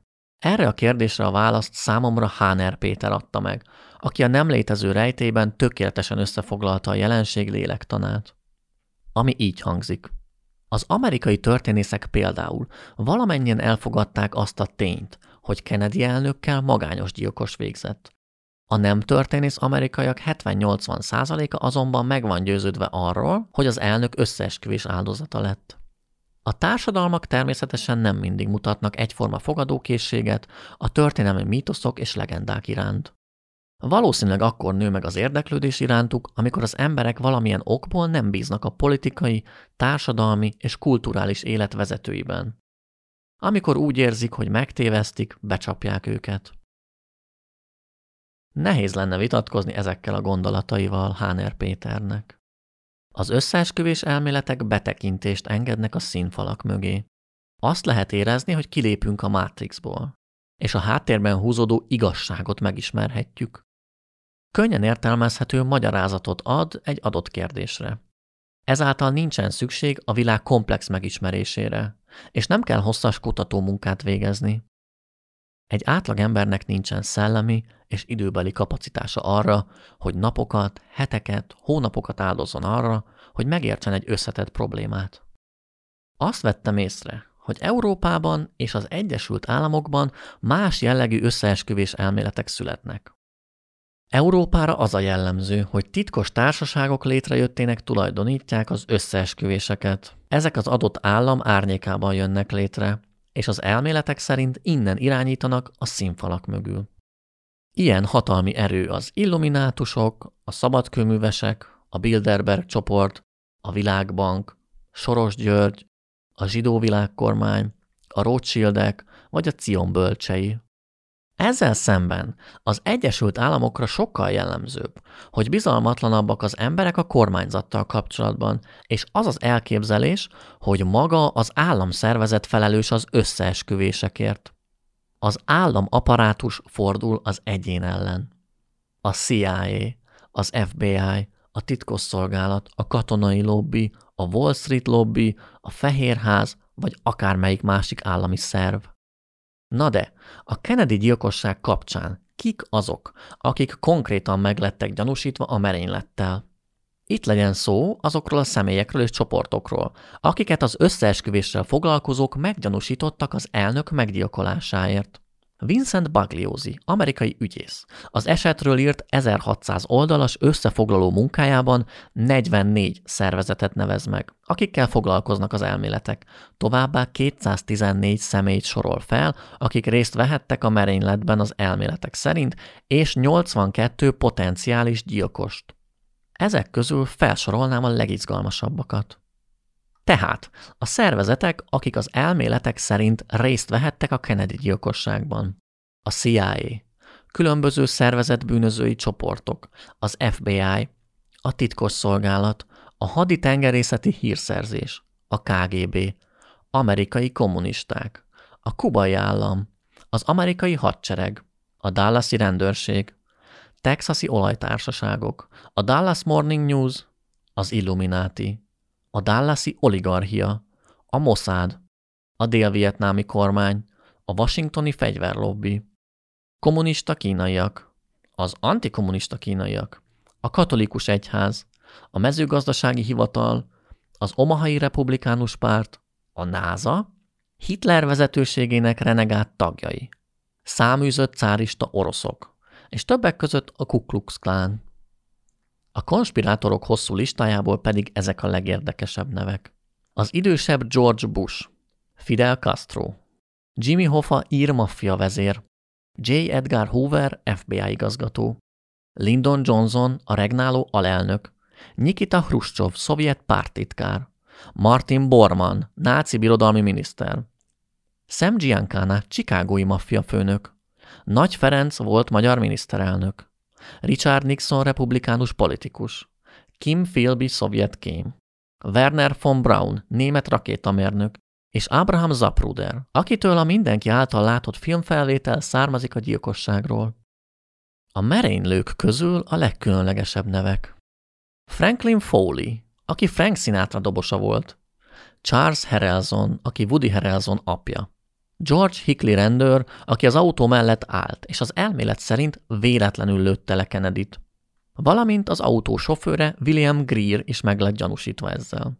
A többi név ismeretlen a számomra, de mindenkire vonatkozik egy elmélet a 44 szervezet, a 214 közreműködő és a 81 gyilkos közül. Töredelmesen bevallom, hogy az volt az eredeti tervem ezzel a résszel, hogy fogom az Oswald a magányos merénylő mellett szóló érveket, és mellé teszem az összeesküvés elmélet melletti tényeket. Ezeket ütköztetem, és tárgyilagosan megvizsgálom, mi sül ki belőle. A célom az volt, hogy tényeket, ellenvetéseket és érveléseket ütköztessek. De az az igazság, hogy nem igazán találni tényeket az egyik oldalon. Elméletek vannak, féligasságok, furcsa körülmények, félremagyarázások, csúsztatások, két tény közötti üres lyukak betömése és hasonlók. Sajnos csak olyan elméleteket találtam, amiket a kutató munka során elég meggyőzően megdöntenek a nyomozati anyagok. Akik pedig az elmélet mellett érvelnek, azok mindannyian újságírók és önjelölt nyomozók. Igazából azt vettem észre, hogy a történészek teljes közönnyel állnak az ügyhöz. A tények szintjén nem sok érdekességet találnak benne. Mivel minden bizonyíték a magányos merénylőre mutat, amelyik történész foglalkozik az esettel, azzal kapcsolatban azt érzem, hogy kötelességtudatból teszi ezt. Ilyen szempontból pedig nagyon szerencsésnek érezhetjük magunkat, hogy magyarok vagyunk, és hálásak lehetünk Háner Péternek, hogy nem sajnálja az idejét, hogy történész szemszögből megvizsgálja az eseményt. Akinek bármilyen kétségei vannak a Kennedy gyilkossággal kapcsolatban, az olvassa el Háner Péter erről szóló kötetét, a nem létező rejtélyt. Tényszerűen, olvasmányosan, 15 kérdéssel és arra adott válaszsal vezeti le az ügy részleteit. Aki pedig ténylegesen minden részletét tudni akarja az ügynek, annak a leírásban megjelölöm Gerard Posner és Vincent Bugliosi könyveit. Kutatómunkám során igyekeztem minél több történész véleményét elolvasni, és keresni olyanokat, akik az összeesküvés mellett érvelnek. A durva felismerés az volt, hogy csupán egy történész találtam, aki foglalkozik az esettel, és az összeesküvés mellett érvel. David R. Vrown, aki professzor egy Wisconsini egyetemen, tehát szakmabeli. Ő is azt mondja, hogy Oliver Stone filmjének 80%-a ténybeli tévedés. Vrown egy egész másféle érvelést vezet elő, amiben egyébként hasonló eredményre jut, mint a JFK film, szóval kicsit ellentmondásosak egymásnak ezek az elméletek, de hát pont ezért elméletek. Ő egy egész könyvet írt csak a 26 másodperces Zapruder film elemzéséről, ahol arra a konklúzióra jut, hogy három különböző helyről tüzeltek az elnökre, és ezek közül egyik sem volt Oswald. Amit egyébként az utólagos számítógépes analízisek cáfoltak. Fullasztó mennyiségű adat áll a rendelkezésünkre. Minden kétséget kizárólag ez a történelem valaha volt legjobban dokumentált eseménye. Másodpercről másodpercre tudni lehet, hol, mi történt, mégis rengeteg kétség merül fel az emberekben az ügyjel kapcsolatban. Egészen elképesztő személyek kerülnek képbe. Jim Garrison könyvében kerül a képbe például Nagy Ferenc, aki korábbi miniszterelnökként állampolgárságától és vagyonától megfosztva az Egyesült Államokba emigrált. Egy olasz újság azt írta róla, hogy mindig támogatója volt az európai fasiszta mozgalmaknak, és hogy közeli szálak fűzik a CIA-hoz, és ezáltal a Miami-ban lévő kubai kolóniához. Az ügy során az egyik kihallgatott tanú találkozott nagyjal, és később az ő nevét keverték össze bizonyos olasz források Nagy Imre nevével. Így kerülhetett bele az összeesküvéssel foglalkozók fókuszába az 58-ban kivégzett magyar miniszterelnök. Aki csak erre az információra volt kíváncsi a felvezetőből, hogy vajon mi közel lehet Nagy Imrének John F. Kennedy halálához, attól elnézést kérek a sztori banalitása miatt. Tudom, ez nem egy túl kielégítő és katartikus válasz. De a történelem nem mindig rejteget túl sok izgalmat, bravúros fordulatokat és poetikus indokokat. Talán pont erről szól ez a podcast rész. Amikor körülbelül 6-8 éve megvásároltam Háner Péter 100 történelmi tévhit című kötetét, ugyanezt a csalódottságot éreztem sokáig az olvasása kapcsán. Azt kellett olvasnom az általam történelmi ténynek hit eseményekről, hogy nem is úgy voltak. Ki lettek színezve a könnyebb megértés érdekében, vagy teljes tévhit az egész. Rossz ízzel csuktam be sokszor a könyvet, amikor lerombolt Háner egy általam ténynek gondolt eseményt, és elégedetten csuktam be a könyvet, amikor megerősített a hitemben. Csak évek múltán jöttem rá, hogy hol hibáztam.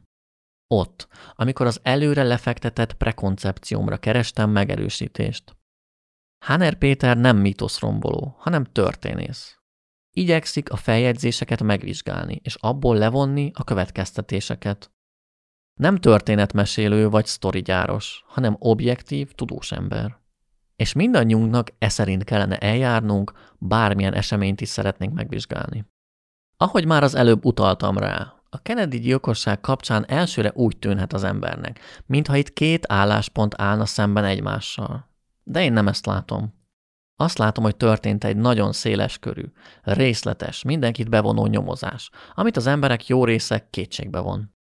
Ami alapjában véve jó dolog.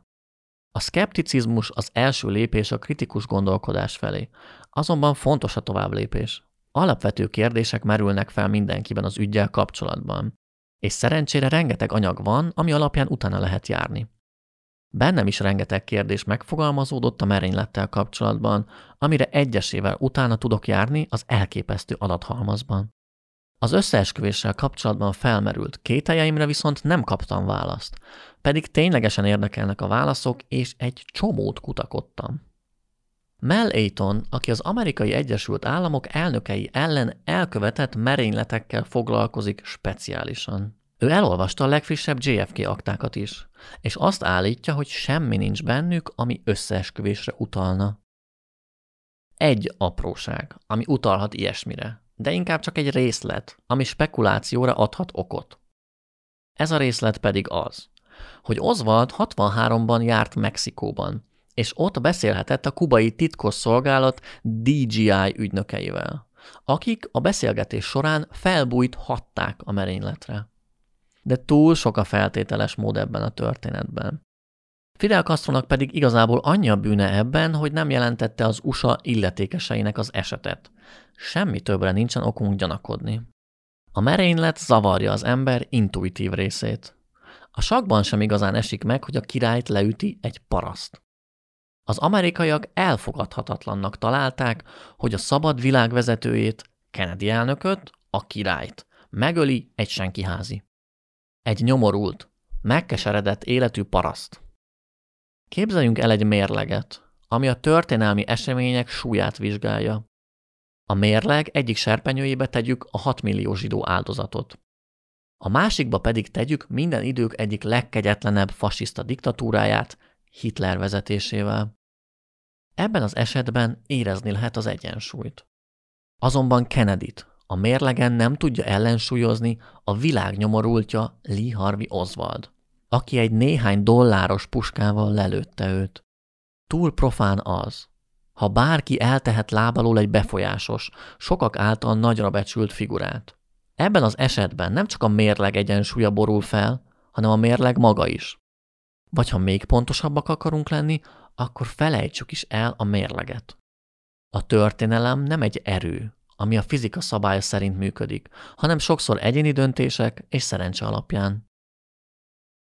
Három nagyon fontos és alapvető kérdés merült fel bennem az összeesküvés elméletek kapcsán, amikre sehol nem kaptam kielégítő választ.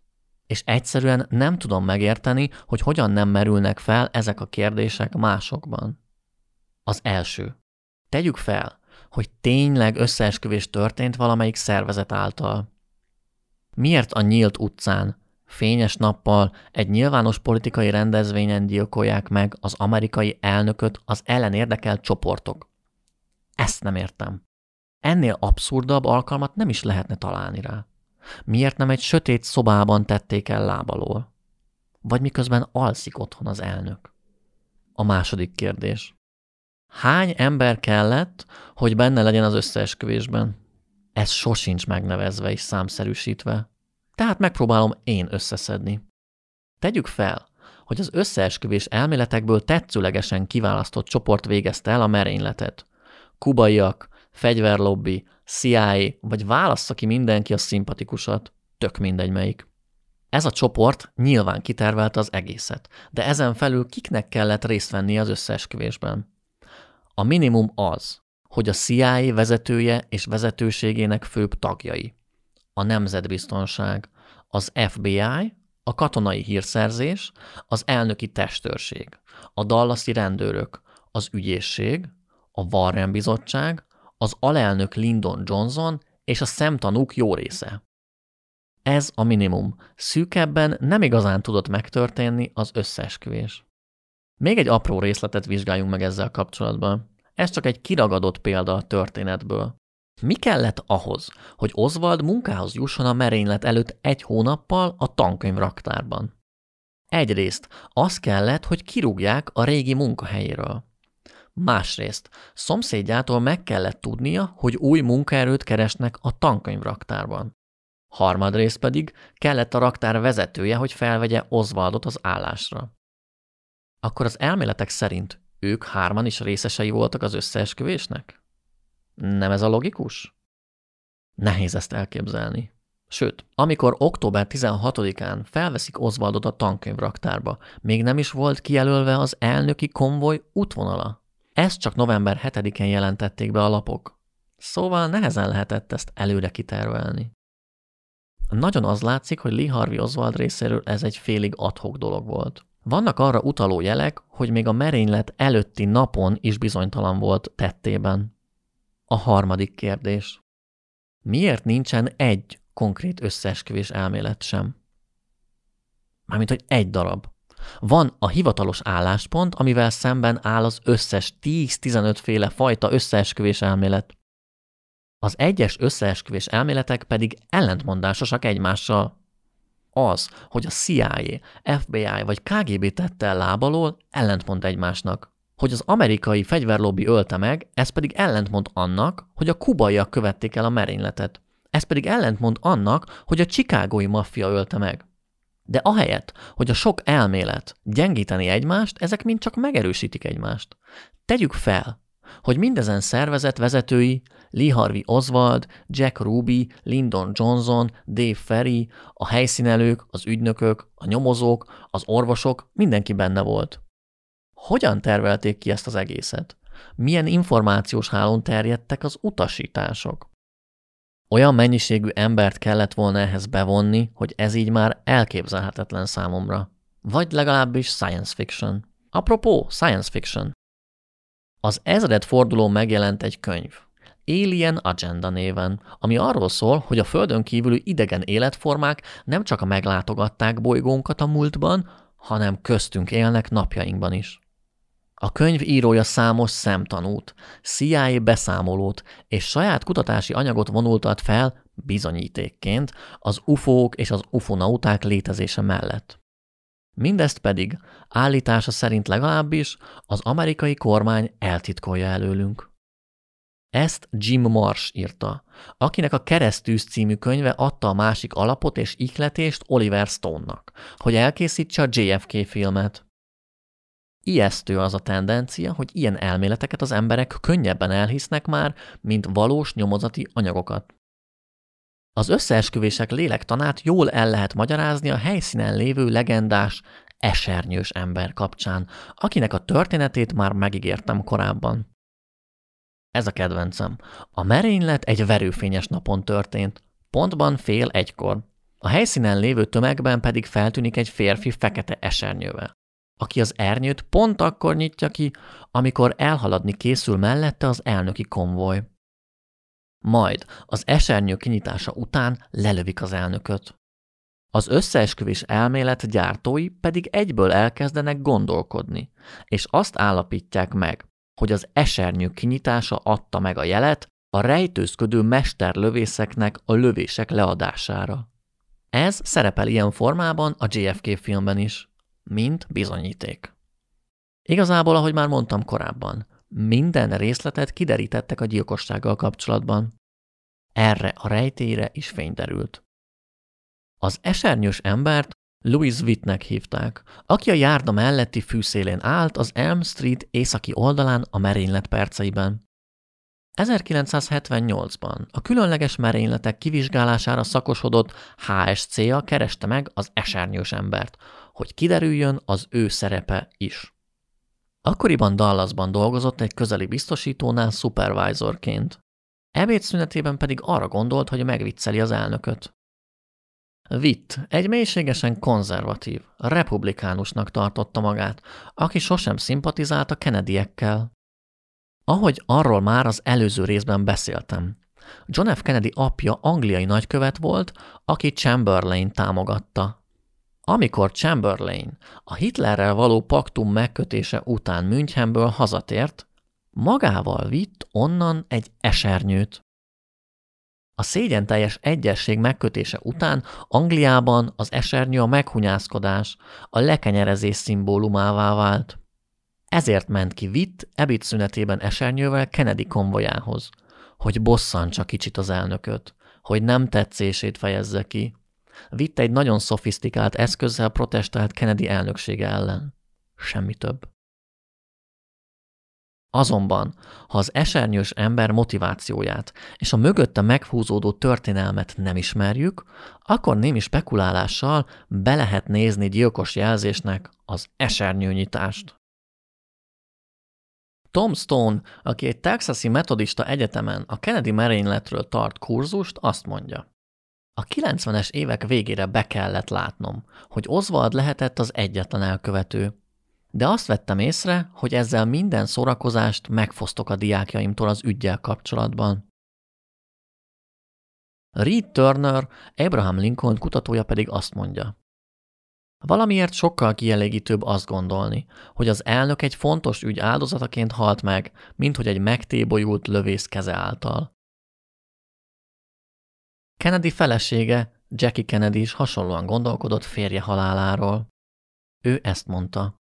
Még az elégtétel sem adatott meg neki, hogy a polgárjogok miatt halljon meg. Egy buta kis kommunista kellett, hogy legyen. Megfosztották még a halála értelmétől is. Igen, megfosztották Kennedy-t a halála értelmétől is. Ahogy az összeesküvés elméletek készítői is megfosztották Lee Harvey Oswaldot az élete értelmétől. Amire egész életében készült. Egy nagy, történelmi tettet akart végrehajtani. Ezt véghez viszi, majd elvitatják ezt tőle. Biztos vagyok benne, hogy szomorú lenne, ha ezt megtudná. De ahogy nem nyert értelmet Oswald élete a gyilkossága által, úgy nem tud értelmet nyerni Kennedy halála sem. Bármit is látunk bele. Értelmetlen volt sajnos mindkettő. Iván Kraster, bolgár politika tudós egy nagyon érdekes cikkben a transzparencia és az összeesküvés elméletek viszonyáról ír. Az az alapvetése, hogy minél több tény kerül nyilvánosságra egy összeesküvés elmélettel kapcsolatban, az annál inkább megerősíti az ebben hívőket. Ez elsőre teljes ellentmondásban van a józan észsel, de összefoglalom az okfejtést. Az az elképzelés sajnos nem működik, miszerint bár csak az emberek ismernék a tényeket. Pénzügyi kríziseket követően megrendült az emberek bizalma a demokratikus intézményekkel és a politikusokkal kapcsolatban. A titkok felszíne hozása önmagában nem eredményez jól informált polgárokat. Mondok erre két jó példát. Amikor az amerikaiak megtudták, hogy George W. Bush az Egyesült Államokat úgy vezette vele az iraki háborúba, hogy nem volt bizonyítéka a tömegpusztító fegyverekről. Mit csináltak a választópolgárok? Újra választották. Silvio Berlusconi melléfogásaival kapcsolatban is folyamatosan jöttek napvilágra az információk a 90-es évek végétől másfél évtizeden keresztül. Mit reagált erre az olasz nép? Ő lett Olaszország leghosszabban regnáló miniszterelnöke. Közel egy évtizeden keresztül volt hivatalban. A politikában minden tudni azt jelenti, hogy különböző dolgokat tudunk. Ha az állam közzétesz információkat, az nem feltétlenül szolgálja az emberek megértését. Épp ellenkezőleg. Ha az információ azonnal mindenki által elérhetővé válik, akkor annak lecsökken az értéke, és a manipulatív értéke megnő. Szóval az elvárásokkal ellentétben a nagyobb transzparencia nem nyíltabb diskurzust hoz el, hanem megnöveli a bizalmatlanságot.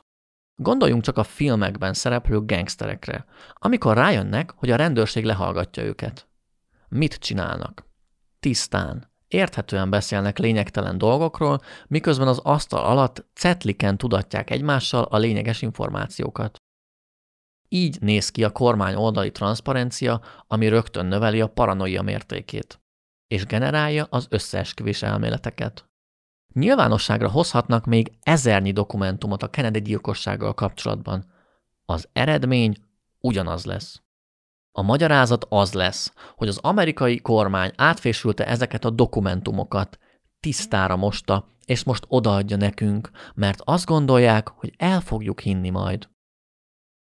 Kognitív tudományokban ismeretes a motivált érvelés jelensége, ami azt jelenti, hogy valaki az érzelmi elfogultságát próbálja igazolni, és csak azokat a tényeket fogadja el, amik alátámasztják ezt az elképzelését. Ez a fajta gondolkodás megakadályozza a kritikus gondolkodást és a tények objektív vizsgálatát. Ezt látom sajnos Jim Garrisonnál, Jim Marshnál, és ebből kifolyólag Oliver Stone-nál is. 1963-ban egy amerikai nagyvárosban fényes nappal Dallas főutcáján egy nyilvános rendezvényen ezer ember szeme láttára lelőtték az amerikai Egyesült Államok elnökét. 60 évvel később pedig még mindig az emberek fele szöges ellentétét gondolja erről, mint a másik fele. Ez az igazán elképesztő ebben a történetben.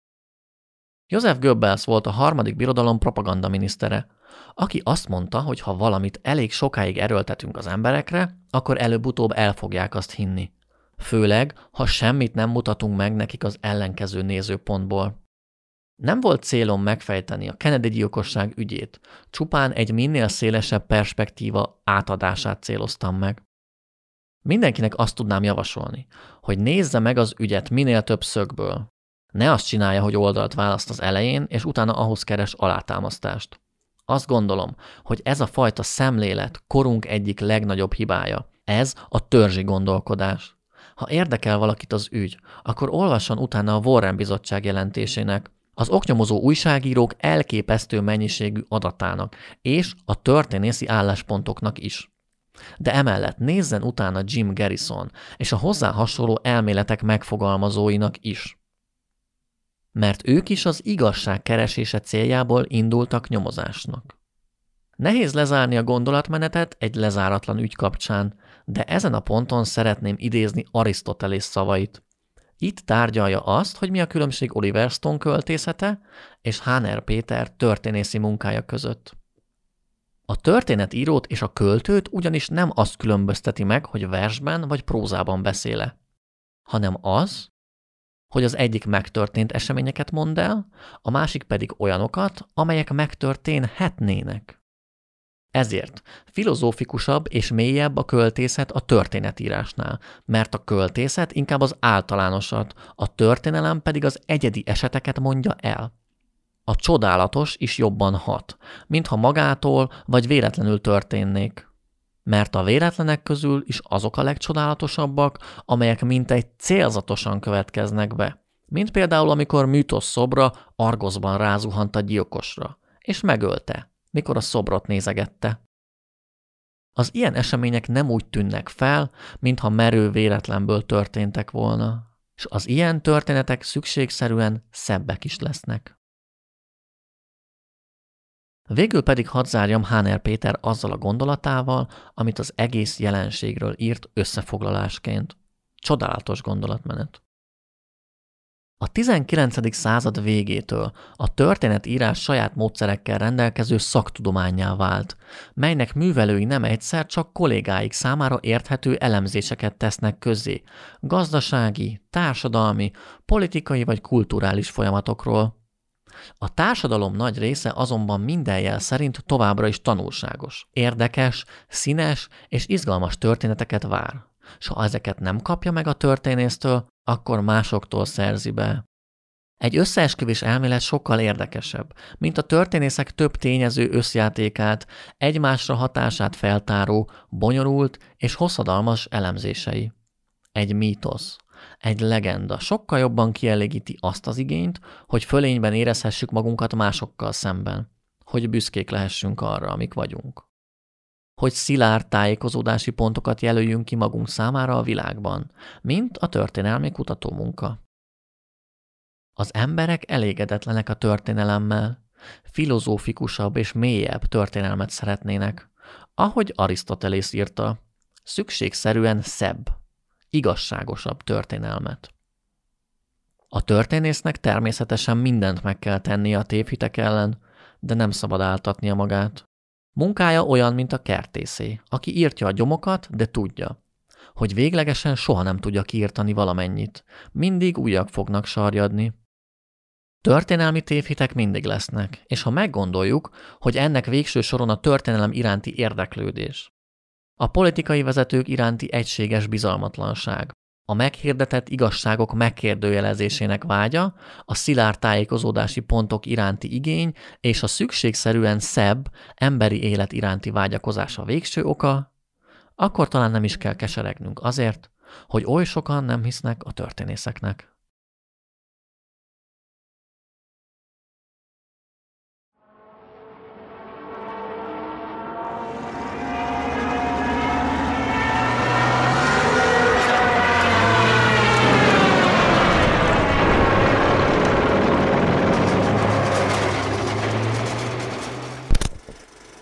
Én Györe Zoltán voltam.